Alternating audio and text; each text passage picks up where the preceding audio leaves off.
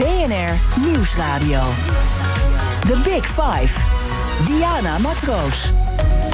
Ze zijn al jong begonnen de wereld te veroveren, steken hun nek uit en hebben impact door wat ze doen. Deze week spreek ik in BNR's Big Five van de wereldbestormers met vijf invloedrijke jonge mensen uit politiek, bedrijfsleven en activisme.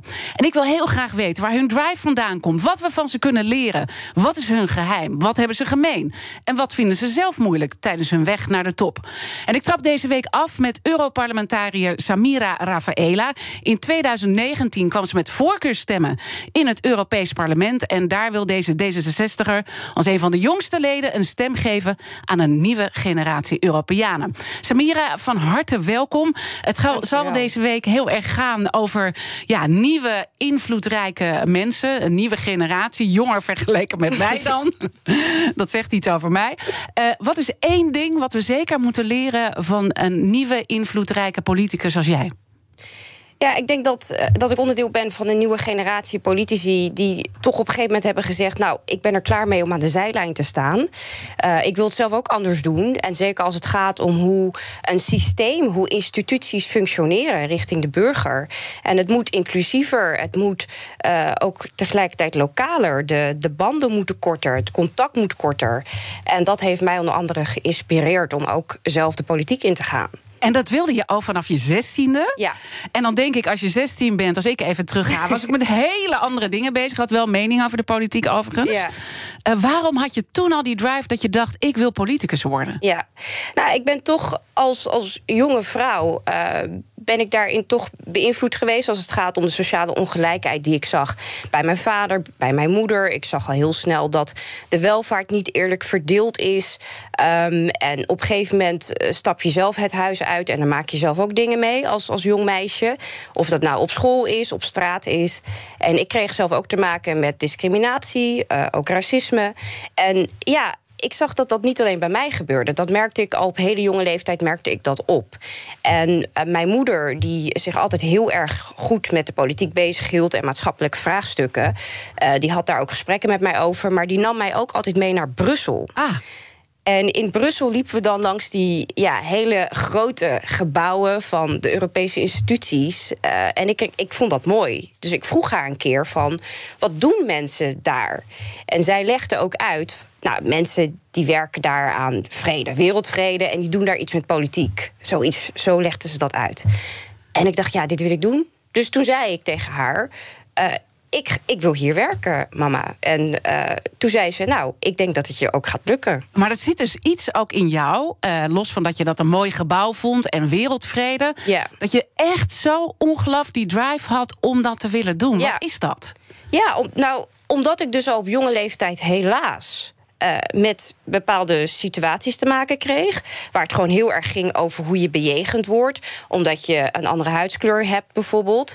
Uh, maar ik denk ook wel door, die maatschappelijk, door het maatschappelijk bewustzijn. wat ik onder andere van mijn moeder meegekregen heb. Dus wij hadden thuis ook best wel veel gesprekken, discussies.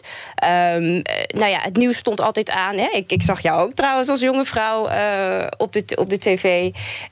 dus ik, ik was daar gewoon op jonge leeftijd mee bezig. Ja. En dan ben je er uiteindelijk. En je hebt een mooi interview gegeven toen je net in het Europese parlement zat. Uh, bij Lamia Arouai. Die heeft ja. trouwens heel lang ook hier bij BNR is een co-host uh, ja. geweest in de ochtend. En toen zei je. Dit is het establishment, daar zit ik nu in. En die ga ik nu van binnen uitbreken. Ja. Is dat gelukt? Nou, ik ben daarmee bezig. Ja. Uh, en, en wat ik daarmee heb bedoeld is dat ik uh, ook in de politiek, maar ook binnen de overheid, zelfs in het bedrijfsleven, um, altijd heb gezien dat er een, een groep is, er is een minderheidsgroepering. Binnen dit soort organisaties en dus ook in de politiek, uh, die, het, die het vaak allemaal maar even uitmaken. En waarvan ik ook vind dat ze niet genoeg hun best doen om het contact te maken met de samenleving. En die erop uit zijn om vooral hun eigen machtspositie te behouden.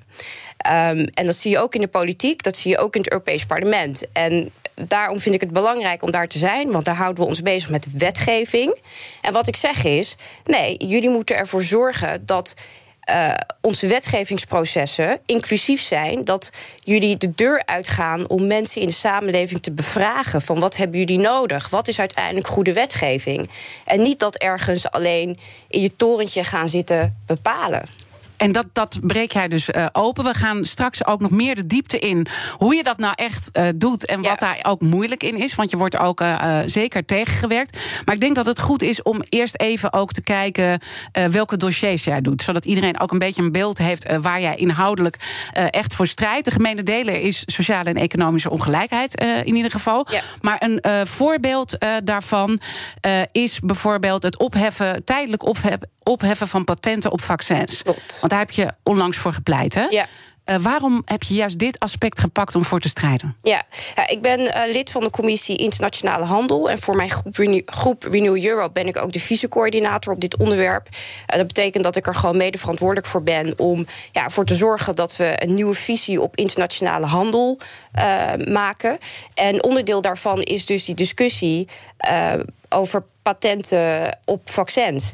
En ik heb ervoor gepleit, samen met een aantal andere Europarlementariërs, dat we dat tijdelijk moeten opheffen. Want Inmiddels uh, lopen we het risico dat er nieuwe varianten ontstaan. Maar we zien ook gewoon dat een significant deel in de rest van de wereld um, nog lange na niet gevaccineerd is. Omdat ze ook gewoon de toegang niet hebben tot die vaccins. En dat is gewoon heel oneerlijk. Dit gaat gewoon over sociale ongelijkheid. Dus ook in de Commissie, commissie Internationale Handel stip ik aan uh, dat handel goed is. Het is mhm. goed dat we die handelsovereenkomsten hebben. Maar het moet wel werken voor mensen. En het moet wel ervoor zorgen dat iedereen daar gelijk van profiteert. Um, nou ja, dat was een moeilijke discussie. Ja, want ik wou net zeggen, hoe reageert iedereen dan? Ja, want helaas zat er ook ja, een clubje Europarlementariërs die op de een of andere manier um, zich enorm hard wilde maken voor de rechten van de industrie. Eh, als het gaat om, uh, om de vaccinproducenten, nou, de farma-industrie, laten we het zo even zeggen. Die hebben hier al gigantisch veel aan verdiend. En dan is het argument, ja, maar dan willen ze niet meer innoveren. Nou, ik vind dat gewoon een vorm van chantage. Ik heb daar dus absoluut geen zin in om daar mee te gaan. Nee, uiteindelijk moeten we kijken naar uh, hoe we deze pandemie, hoe we daaruit gaan komen. Uh, iedereen moet zo goed mogelijk toegang hebben tot vaccins. En dan is onderdeel daarvan dat ook de farma-industrie hierin gaat meewerken. Mhm. Door dus uh, tijdelijk dat opheffen toe te laten staan. Dus hier loop je dan echt tegen het marktdenken aan. En ja. daar zijn we natuurlijk. Uh, maar nou ja. ook grote, een grote lobbycampagne hoor. Ja een grote lobbycampagne. Maar dat hoort ook, denk ik, wel bij het, het marktdenken. Hè, dat die lobby daar ook een versterkend uh, effect heeft. Nou, is daar een hele grote generatie mee opgegroeid. In ieder geval mijn generatie. Ja. Hoe anders is dat bij jouw generatie? Nou, ik, Je bent begin 30, hè? Ik ben 32 nu. 32, ja. ja. Uh, nou, blijkbaar, ik kon zo wel merken dat. Um, ja, dat, er in, dat de meeste jonge Europarlementariërs wel zoiets hadden van het is allemaal goed met die farma-industrie en wij vinden het ook belangrijk om hun rechten te respecteren, zeker. Um, maar het is nu nog belangrijker om, uh, om, om naar om naar deze oplossing te kijken. En ik denk dat dat ermee te maken heeft dat wij inderdaad gewoon wat minder uh, ons, ons druk maken om uh, bepaalde grote lobbycampagnes of uh, ja, in dit geval de rechten van het bedrijfsleven of de rechten van de industrie. Dat vinden we ook belangrijk. Maar tegelijkertijd hebben we ook zoiets van we moeten hier activistisch in zijn. iedereen ja. heeft gewoon recht op een gelijke behandeling.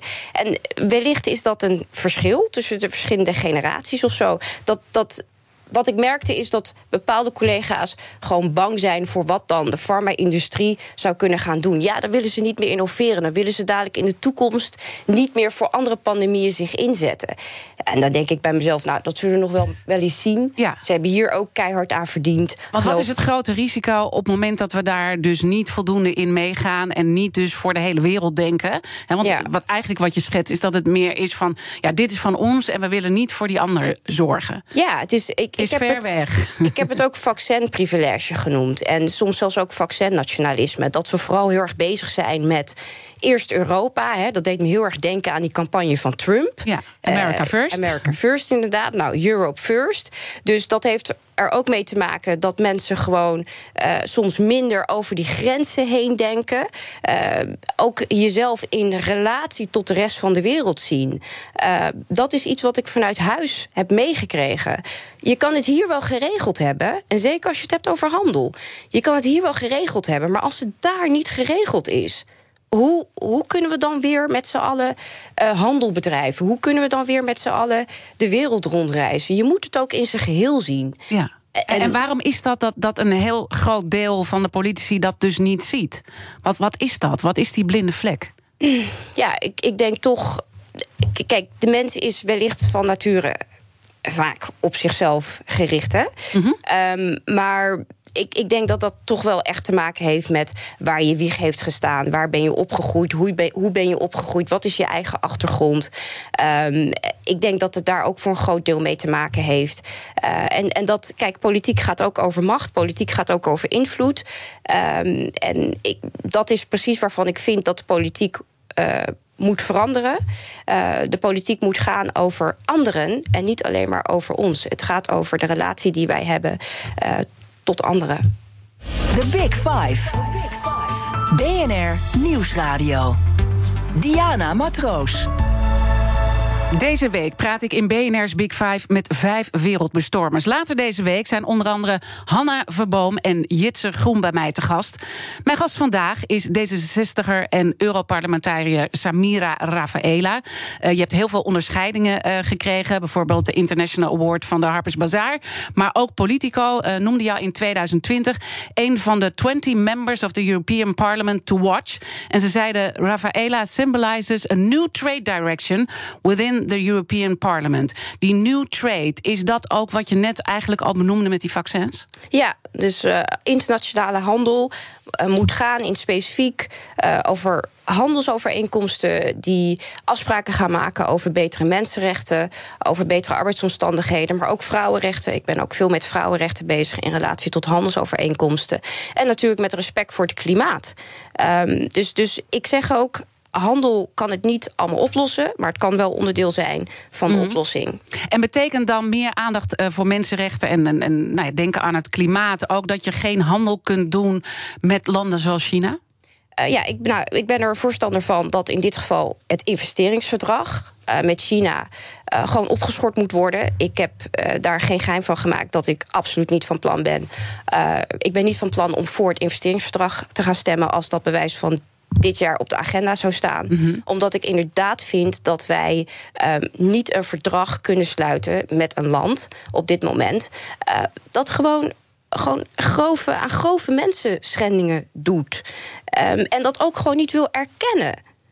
Ja. Dat afdoet als anti-China-propaganda. Terwijl we tal van getuigenissen hebben, zoveel bewijs hebben, afkomstig van mensenrechtenorganisaties, individuele getuigen, individuele slachtoffers. Um, ja, ik vind dat gewoon niet kunnen. En dan denk ik toch van. Um, ik snap je punt. Ja. En tegelijkertijd zijn we zo aan elkaar verknoopt, ook wereldwijd. Uh, dat, ja, is het realistisch om dat uh, onderuit te halen? Hè? Jouw eigen partij, D66, staat voor vrije en eerlijke handel. Ja. Uh, en die gaan gewoon heel lastig samen. Nou, ik vind niet per se dat dat lastig samengaat. Uh, op het moment dat wij vanuit de, de Europese Unie uh, gaan zorgen dat wij echt instrumenten hebben waarmee we kunnen afdwingen dat de derde landen, want we noemen alles buiten de EU waarmee we dan uh, handel drijven, zaken doen, dat zijn dus de derde landen. Waar dus, dus als wij instrumenten hebben waarmee we kunnen afdwingen dat die derde landen zich houden aan bepaalde standaarden, zich houden aan bepaalde afspraken, zorgen dat mensenrechten worden geborgd, het, uh, klimaat wordt gerespecteerd door middel van zo'n overeenkomst, dan zeg ik vrij en eerlijk gaat samen. Maar het punt is dat de Europese Commissie in het, in het geval van China niet heeft afgewacht totdat het sterkere wetgeving heeft in dit geval.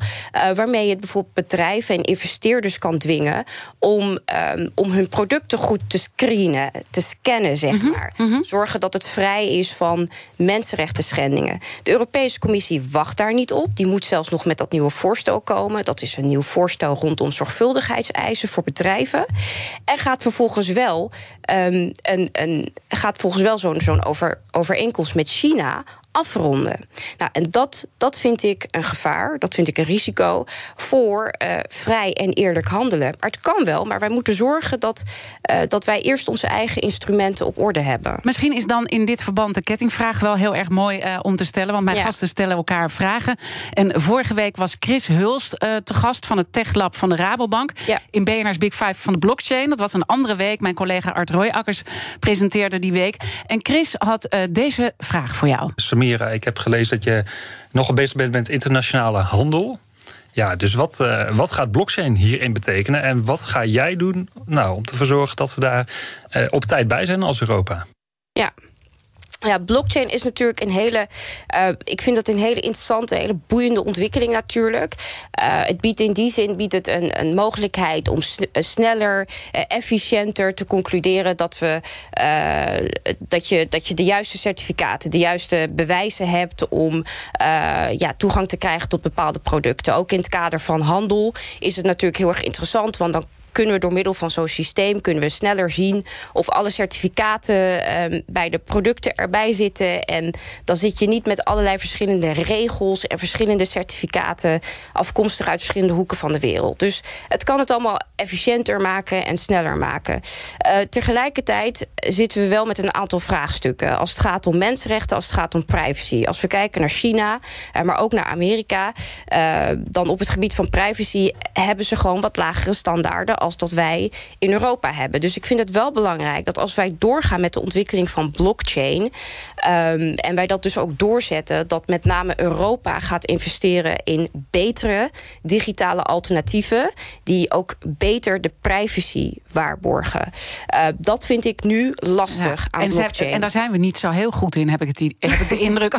Als ik nou. ook naar jullie als, uh, ja, als ik naar de politiek kijk, dan denk mm. ik, mm, loopt wel een beetje achter in die wereld ik kan zo begrijpen waar je op doelt. Uh, in ieder geval, mijn partij vindt het wel heel belangrijk om echt uh, veel en goed met privacy bezig te zijn. Um, maar goed, dat, dat moeten we op het gebied van blockchain dus gaan doen. En uh, tegelijkertijd is het ook wel weer een manier, blockchain, om nou, in het geval van mensenrechten schendingen in China, om veel beter veel sneller tot de conclusie te kunnen komen. Uh, hoe producten, waar producten vandaan komen en, en hoe het zit met bijvoorbeeld bepaalde standaarden. Ja, dus dan krijgen we er ook meer eh, grip uh, op uiteindelijk. Ja. Kijk, wat het mooie is uh, eigenlijk aan dit voorbeeld, hè, China, we zijn altijd streng met dat vingertje ja. aan het wijzen. Dat doen we ook naar landen als het gaat Polen, Hongarije, de hele LHBT-discussie die we hebben gehad. Ja. Doen wij het nou zoveel beter? Want het is mooi om te wijzen naar anderen. Maar mm. doet Nederland, hè, want je bent Nederlander, ja. doet Nederland het goed? Ja, nou, Nederland doet het gelukkig uh, op heel veel vlakken goed in Europa-verband. En uh, we kunnen op heel veel vlakken het goede voorbeeld geven.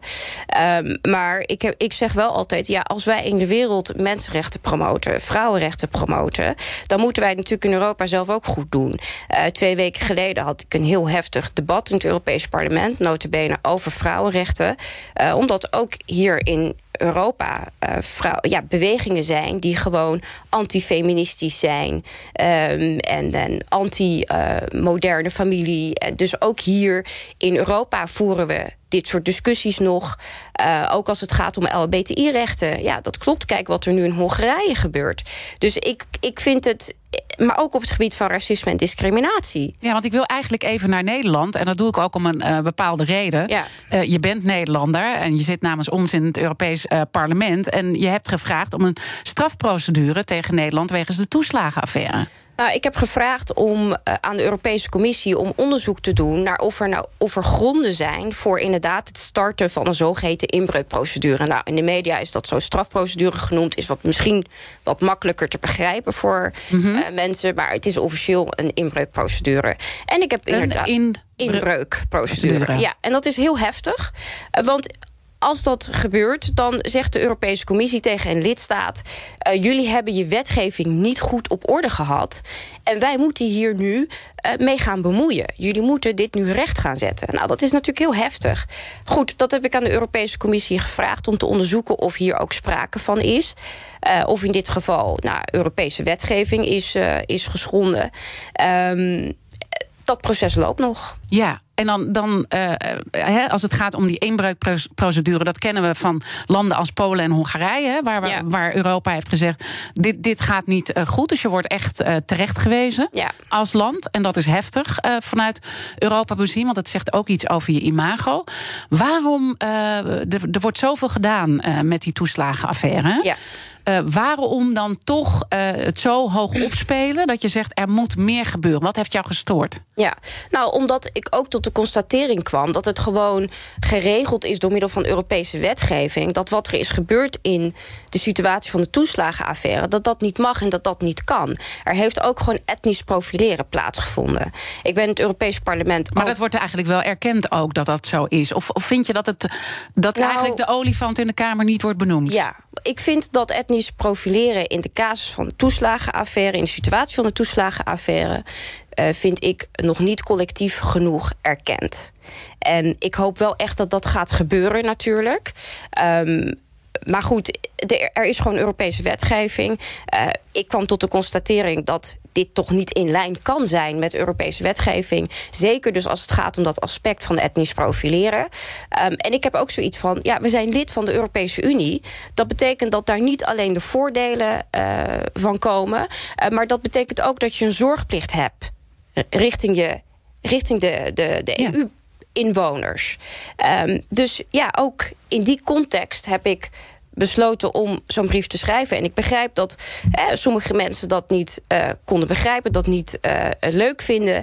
Uh, maar we zitten niet alleen in de Europese Unie om ervan te profiteren. We hebben ook een zorgplicht en we hebben ja. ook Europese wetgeving te respecteren. Want krijg jij heel veel dreigende mailtjes op het moment dat dit gebeurt? Je moet nou, lachen. Nou goed, er, wa er, waren een paar mensen niet blij, laat ik het zo zeggen. Maar, Je zegt het heel diplomatiek. ja, nou, er waren een paar mensen niet blij en, en boos. Sommige mensen waren boos.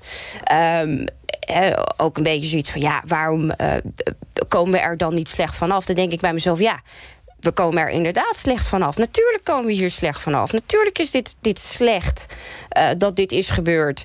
Uh, dat weten we allemaal. Uh, maar we moeten wel die confrontatie met onszelf aangaan hierin. maar goed, er, en dat het dus ook, was ook veel consequentie, steun. dat het echt ook een consequentie heeft en dat daar dus ook bepaalde rechten uitvolgen voor degene die zijn gedupeerd. Ja. Dat is waar je op uit bent. mijn gast in BNR's Big Five van de Wereldbestormers is D66er Europarlementariër Samira Rafaela. Zoals gezegd uh, behoort ze tot een nieuwe generatie politici die het echt anders aanpakken. Maar welke obstakels komt ze tegen? Hoe werd hier bijvoorbeeld door haar eigen partij op gereageerd? En ze lacht al. Dat zegt mij heel veel. Tot zo. BNR Nieuwsradio. The Big Five. Diana Matroos. Welkom bij het tweede halfuur van BNR's Big Five. Deze week praat ik met vijf wereldbestormers. Later deze week zijn onder andere Hanna Verboom en Jitse Groen nog bij mij te gast. Mijn gast vandaag is Europarlementariër Samira Rafaela. We waren net op het punt uh, gekomen uh, dat, nou ja, dat je met een aantal uh, resoluties dat je daaraan werkt en ook bepaalde dingen echt aankaart. En zo eentje is dus de inbraakprocedure, inbreuk. Inbreuk, ja. Inbreukprocedure, moet ik zeggen.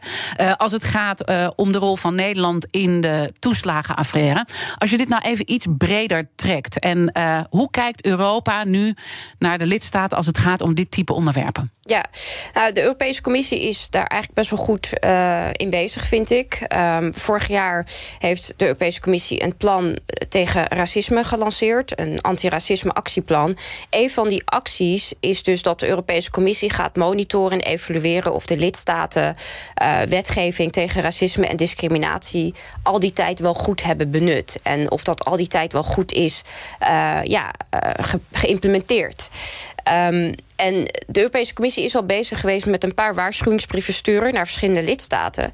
Nederland heeft ook onlangs een waarschuwingsbrief ontvangen van de Europese Commissie als het gaat om wetgeving tegen vreemdelingenhaat. En dat, is, dat kun je eigenlijk zien als een fase nul. Uh, dat gaat er dan over, wij doen de constatering uh, dat u dit niet goed op orde heeft. u moet dat gaan verbeteren, u moet dat rechtzetten. Um, en ik vind, dat, ik vind dat goed dat de Europese Commissie nu zo actief bezig is. En ook op het gebied van, van wetgeving. Want racisme is nog steeds aanwezig in onze samenleving. Elke dag hebben nog zoveel mensen in Europa hier last van.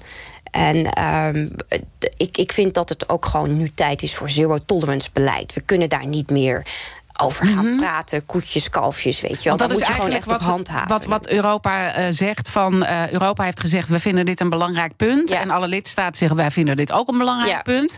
Maar nu gaat het erom, uh, geen woorden maar daden. Dat ja, is eigenlijk absoluut. nu waar die waarschuwingsbrieven... En, en wat gaan wij dan in de praktijk ervan merken... wat er wel en niet meer kan in de toekomst? Ja, nou hopelijk gaan we, gaan we er... De gaan we dus sowieso merken dat zo'n brief van de Europese Commissie uh, dat, dat, dat helpt. Dat dan eh, bijvoorbeeld mensen uh, niet meer uh, zoveel te maken krijgen met vreemdelingenhaat. Of dat ze in ieder geval veel sterkere juridische instrumenten hebben op het moment mm -hmm. dat het hen overkomt. we gaan hopelijk ook merken dat, dat politieorganisaties goed voorbereid daarop zijn. Dat ze aangifteprocedures rondom racisme en discriminatie verstevigen daar waar het nodig is. dat daar sneller op, op gereageerd wordt bijvoorbeeld. Um, maar we gaan het hopelijk ook merken in, in de zin van dat we meer diversiteit zien in onze eigen instituties. Want onderdeel van dat actieplan van de Europese Commissie is ook dat de Europese instituties diverser moeten worden. Omdat erkend wordt dat als wij aan wetgeving werken, we ook verschillende mensen met verschillende achtergronden mm -hmm. in onze organisaties moeten hebben. Maar het gaat dus consequenties hebben. Dat is in ja. ieder geval. Uh, ja, en dat uh, is belangrijk. Ja, dus dat, ja. Is, dat, dat is wat we uh, gaan merken. Dat zal misschien nog even duren, maar dat wordt ja. opgevoerd. Aan de andere kant ja, wordt er ook vaak lacherig gedaan over Europa vanuit de lidstaten. Ik bedoel, ik kan de reacties van Wilders um, ja. en Thierry Baudet al ja, uittekenen, bijvoorbeeld. Ja. Nou ja, de, dat, dat, dat, dat verbaast me ook natuurlijk helemaal niet. Ik weet wat hun retoriek is. Ik weet uh, wat. wat de, ik, weet, ik ken de woorden waarmee, mm -hmm. ze, waarmee ze debatten voeren over Europa. En um, dat is wat mij betreft niet het juiste verhaal.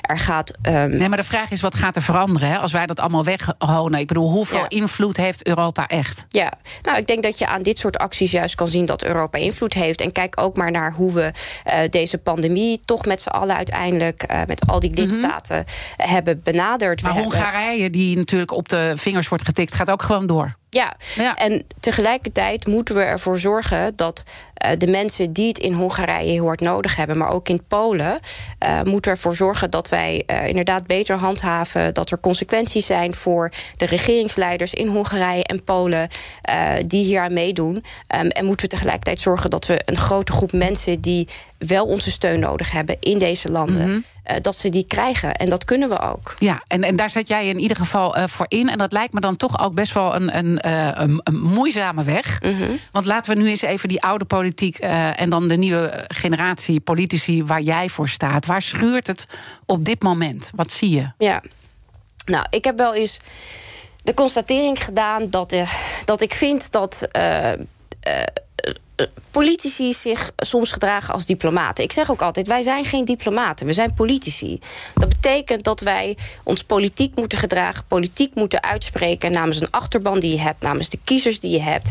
En dat betekent dat je vrijwel elke dag bezig moet zijn... Uh, met in contact zijn met je kiezers, met, met, maar ook je niet-kiezers. Ook gewoon mensen die heel kritisch zijn. Mensen die het heel moeilijk hebben in de samenleving. En, en noem dat grassroots, noem dat, uh, noem dat een ondernemende politiek of zo. Maar het moet gewoon allemaal dichterbij. En ik vind dat vaak over fundamentele kwesties, ook als het gaat om over racisme, ook als het gaat over vrouwenrechten bijvoorbeeld.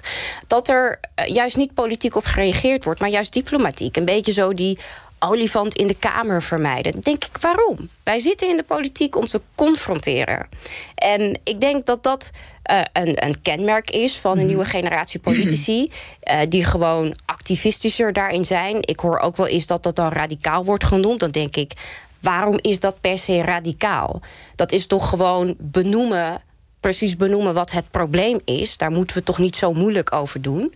Uh, dus ik denk ook dat in taal en communicatie. Uh, Dingen anders lopen, maar diplomatie heeft ons ook heel veel gebracht. Tuurlijk, diplomatie is ook heel erg belangrijk. Uh, maar, maar je kan ook confronterend zijn en benoemen. En tegelijkertijd uh, de juiste woorden daarvoor kiezen. Tegelijkertijd dat met respect kunnen brengen. Ik, ik vind dat uh, Sigrid Kaag, mijn eigen partijleider, dat altijd mooi zegt. Het gaat erom dat je respectvol blijft in je communicatie. Mm. En dat je wel degelijk benoemt om wat voor waarde het ja, gaat. En, en, zij heeft het natuurlijk ook over nieuw leiderschap. Maar tegelijkertijd was zij ook bij die toeslagenaffaire. Ja, ze zat gewoon in het kabinet natuurlijk. Ja. Ze is onderdeel, ze is speler van, van die, die oude gevestigde orde... die dit dus uh, heeft nou laten ja, gebeuren. Is, zij is eigenlijk vrij nieuw in de politiek. En zo kan je het eigenlijk wel zien. Ja, maar uh, toch intussen bedoel, een aantal jaar lang. nee, maar zij zat, niet, zij zat er niet als, als Rutte al uh, bewijs van uh, zo'n gemiddeld tien jaar of zo.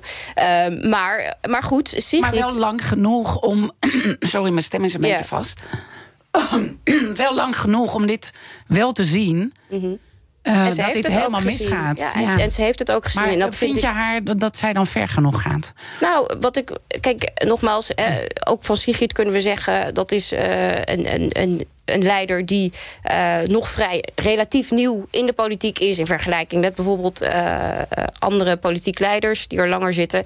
Um, tegelijkertijd vind ik dat zij wel heeft erkend dat dit absoluut niet goed is. En dat dit nooit meer mag gebeuren. Mm -hmm. En dat we daar de verantwoordelijkheid voor moeten nemen. En daar gaat het mij om. Het gaat mij er ook om dat, dat wij in de politiek veel vaker de verantwoordelijkheid durven te nemen. En dat we veel vaker durven zeggen: dit is fout. Als ik kijk naar hoe bepaalde politici, niet alleen in Nederland, ook in Europa, hoe die maar op dezelfde plek continu blijven zitten, terwijl al zo aantoonbaar veel mis is gegaan, en ze nog vinden dat ze recht hebben op die plek, uh, en ze nog blijven volhouden dat zij dan staan voor uh, mm -hmm. nieuwe politiek of zij dan staan voor de nieuwe oplossing dan vind, dan vind ik dat gewoon een, een, een risico. Ik vind moet, dat een risico moet, voor de Rutte politiek. weg dan, vind jij?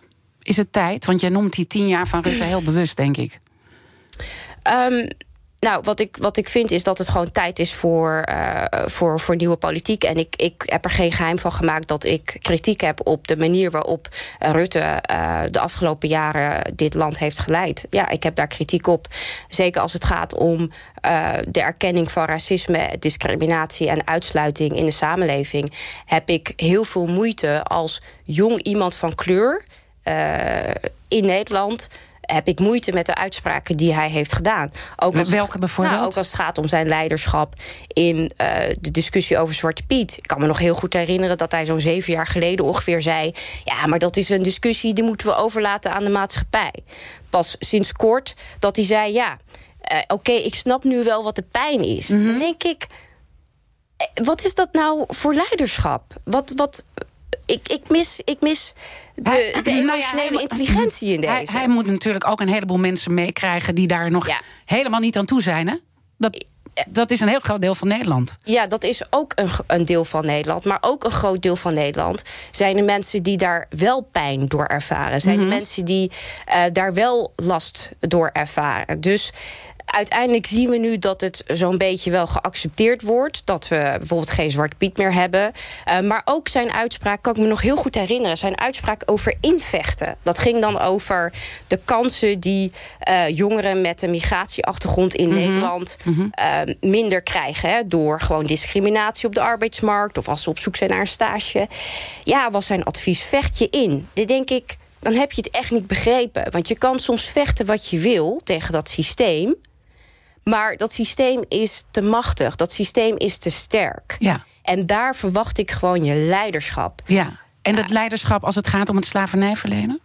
Ja, ook, ook dat vind ik gewoon absurd. Ik vind het absurd dat wij in Nederland nog steeds aan het wachten zijn op nationale excuses. Ik vind het heel goed van uh, burgemeester Halsema dat zij excuses heeft aangeboden namens de stad Amsterdam. Want dan denk ik, kijk, dit is nou een voorbeeld van leiderschap tonen in deze. En ik begrijp dat, dat zij ook zoiets heeft van ja, hier stopt het voor mij, want ik kan, Meer ik kan, kan niet, niet verder gaan dan Amsterdam. Ja. Um, maar het wordt toch wel echt tijd dat uh, wie ook dit land gaat leiden binnenkort dat, dat die persoon gewoon zegt, die excuses komen. En ook premier Rutte, demissionair premier, heeft dat afgehouden al die tijd. Ehm, en dan denk ik, dan is er iets gewoon niet goed. Dan zit er iets niet goed met jouw voelsprieten. Dan zit er iets niet goed met. Want wat, want wat missen niet alleen hij, maar ook andere uh, politici als het gaat wat er gaande is in de samenleving, wat jij wel voelt? Nou, het besef dat deze trauma's hè, van het slavernijverleden nog steeds doorgegeven worden uh, aan, aan de nieuwe generaties. En dat, dat het resultaat daarvan is dat we nog steeds over institutioneel racisme praten. Dat we nog steeds over uh, overheidsdiensten uh, praten die, die, die niet goed verbonden zijn mm -hmm. met de samenleving. Je bent trouwens ook projectleider bij de Nationale Precies. Politie geweest als het gaat Precies. om inclusie. Hè? Ja. Dus je kan ook van binnenuit ja. spreken. Ja. Dat zijn, dat zijn er allemaal uitvloeisels van. Het is mm -hmm. in ons systeem gegaan. Het, is in onze, uh, het zit nu in onze instituties. Nou, dat is ook een uitvloeisel. Dat zijn nog steeds de gevolgen van ons slavernijverleden. En wat en is dat, dat dan, ontbreekt. dat dat besef ontbreekt? Uh, heeft dat dan te maken... want uh, als je het in perspectief zet, ook met andere landen... zijn we echt heel laat. He, mm -hmm. Dat alleen nu Amsterdam dan met die excuses komt. En de verwachting is dat meerdere grote steden dat gaan doen. En dan misschien zijn we er dan nationaal een keertje aan toe. Maar andere landen hebben dat al veel eerder gedaan. Ja. Wat is dat in Nederland?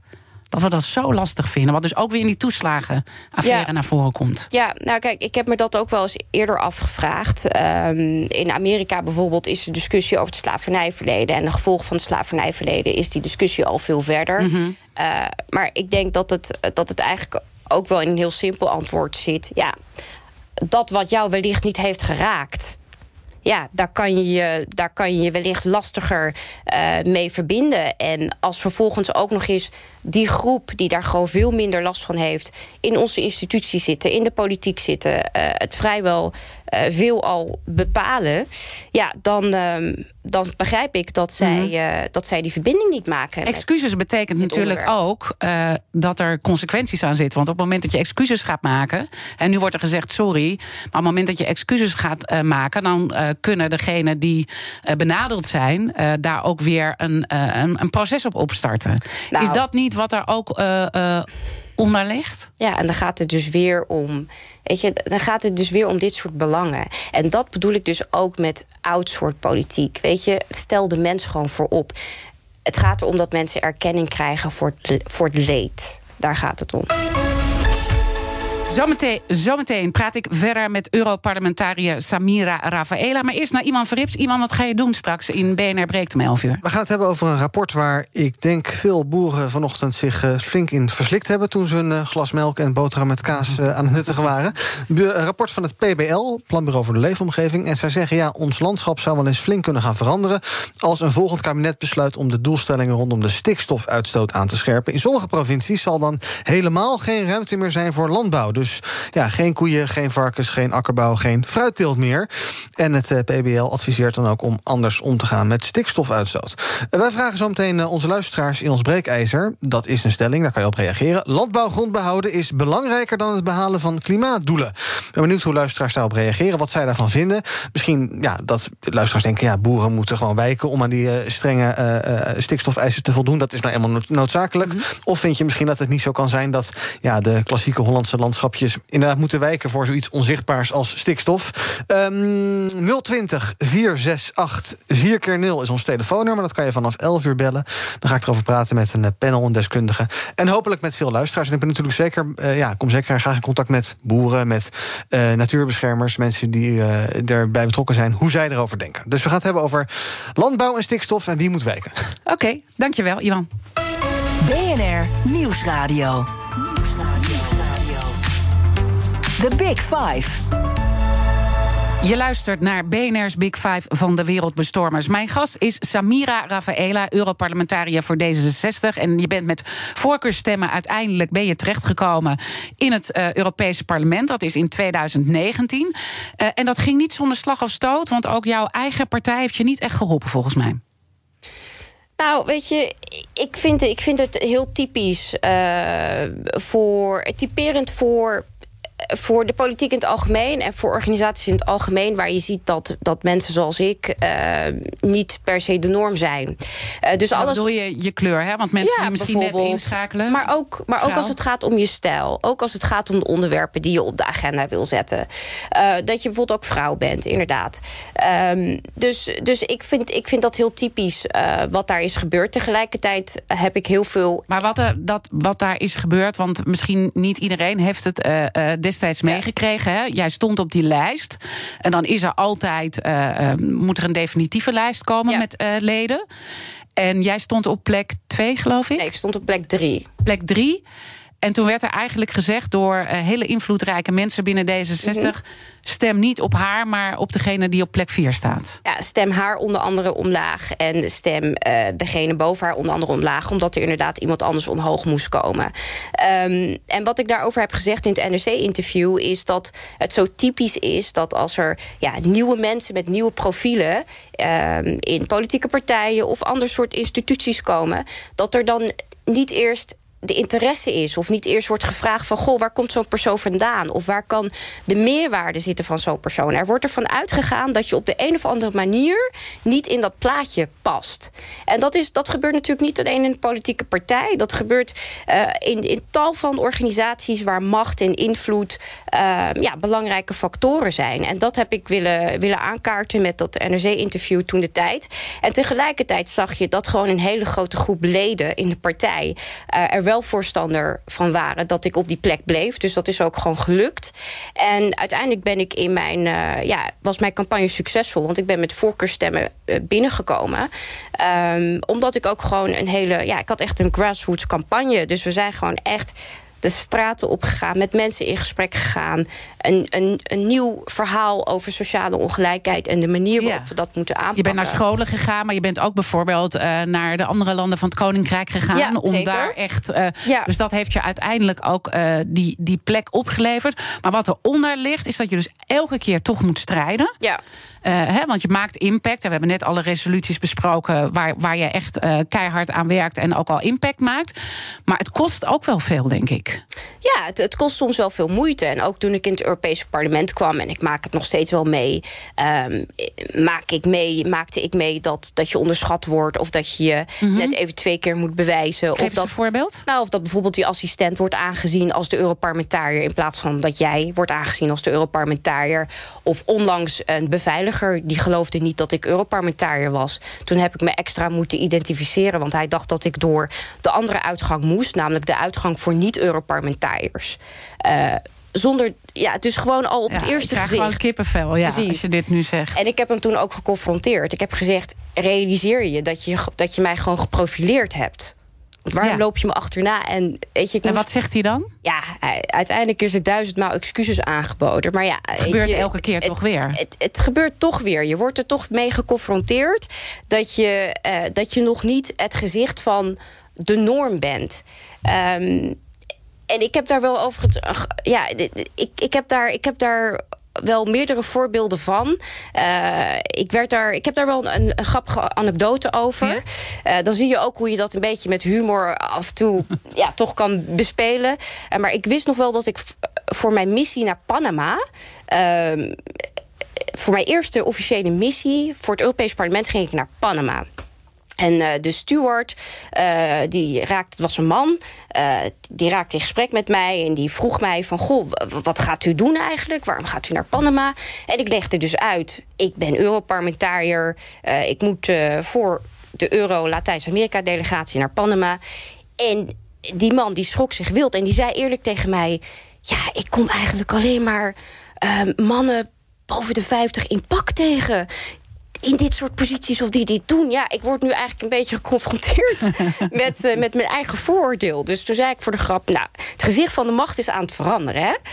Uh, dus dat is, dat, is, dat is heel typisch uh, voor hoe mensen nu nog steeds denken. Tegelijkertijd, ja. tegelijkertijd, ja, het is langzaam aan het veranderen wat dan het gezicht van de macht en de norm is. En dan heb je dus zoveel obstakels hè, moeten overwinnen. En dat begon trouwens al op de lagere school, middelbare school. Je werd veel te laag ingeschat. Uiteindelijk heb je bestuurskunde gestudeerd aan de Universiteit Leiden. Dikke neus voor al die mensen die dachten dat je niet verder zou komen dan VMBO ergens. Hè? Of, dat, of dat het werkstuk wat je inleverde, dat er naar boven stond, dat kan zij niet gemaakt hebben. Hoe crazy is dat? Frustreert het je wel eens dat het zo langzaam gaat? Ja, het frustreert mij zeker. 2021. Het is hetzelfde met die excuses, hè, dat ik denk 2021, weet je wel. Wat zijn we aan het doen? Ja. wat zijn we aan het doen? Um, nou goed, ik ben blij en dankbaar dat ik zelf in mijn rol als Europarlementariër nu een bijdrage kan leveren, ook aan die versnelling. Mhm, mhm. Met name ook aan die versnelling. Um, besef, urgentie uh, inbrengen. En um, ja, volhouden. Het is heel erg belangrijk dat we meer rolmodellen krijgen, zodat ook een nieuwe generatie zich aangetrokken blijft voelen uh, tot dit soort voorbeeldfuncties. De gasten stellen elkaar vragen via de kettingvraag. Je hebt er natuurlijk zelf al eentje beantwoord. En jij mag een vraag stellen aan mijn volgende gast. Uh, dat is filmmaker en social entrepreneur Hanna Verboom. Wat zou jij willen vragen? Ja. ja, en ik vind het heel erg tof wat zij doet. Uh, ik, ik weet ook wat ze doet en we hebben elkaar ook al eerder ontmoet. Uh, dat was bij een event van Harper's Bazaar. Uh, en ik zou haar wel willen vragen... Um, ja, wat, wat zijn haar wat zijn haar tips? Hoe, hoe houdt zij zich staande uh, binnen een industrie die best wel massaal is, uh, groot is, ook invloedrijk is en toch die authenticiteit op haar manier uh, daarin brengt? Dat lijkt mij best een grote uitdaging. En mm -hmm. ik, ik zou het wel interessant vinden dat, ze met, ja, dat ze met ons deelt wat haar tips zijn. Ja, en hoe doe jij dat? Wat is jouw belangrijke tip? Um, je blijven uitspreken blijven confronteren en benoemen wat je ziet. Met name gewoon specifiek blijven benoemen wat je ziet. En jouw motto is: ik ga niet dimmen. Absoluut niet. Helemaal geen zin in. Wat iedereen ook zegt, welke dreigementen daar ook op volgen. Dan zo so be it. Uh, weet je, zolang, zolang ik uh, mijn eigen, zolang mijn veiligheid uh, gewoon daar is en dat allemaal in check is, dan kunnen mensen commentaren geven. Ze kunnen me uitschelden voor van alles en nog wat. Dat gebeurt allemaal. Uh, maar ik, ik blijf gewoon doorgaan. Ik heb het recht om hier te zijn. Het is ook, het is ook mijn plek. Uh, ik laat me niet wegjagen. Heel goed. Dank je wel dat je hier wilde zijn en jouw inzichten met ons uh, wilde delen. Europarlementariër en D66er Samira Rafaela.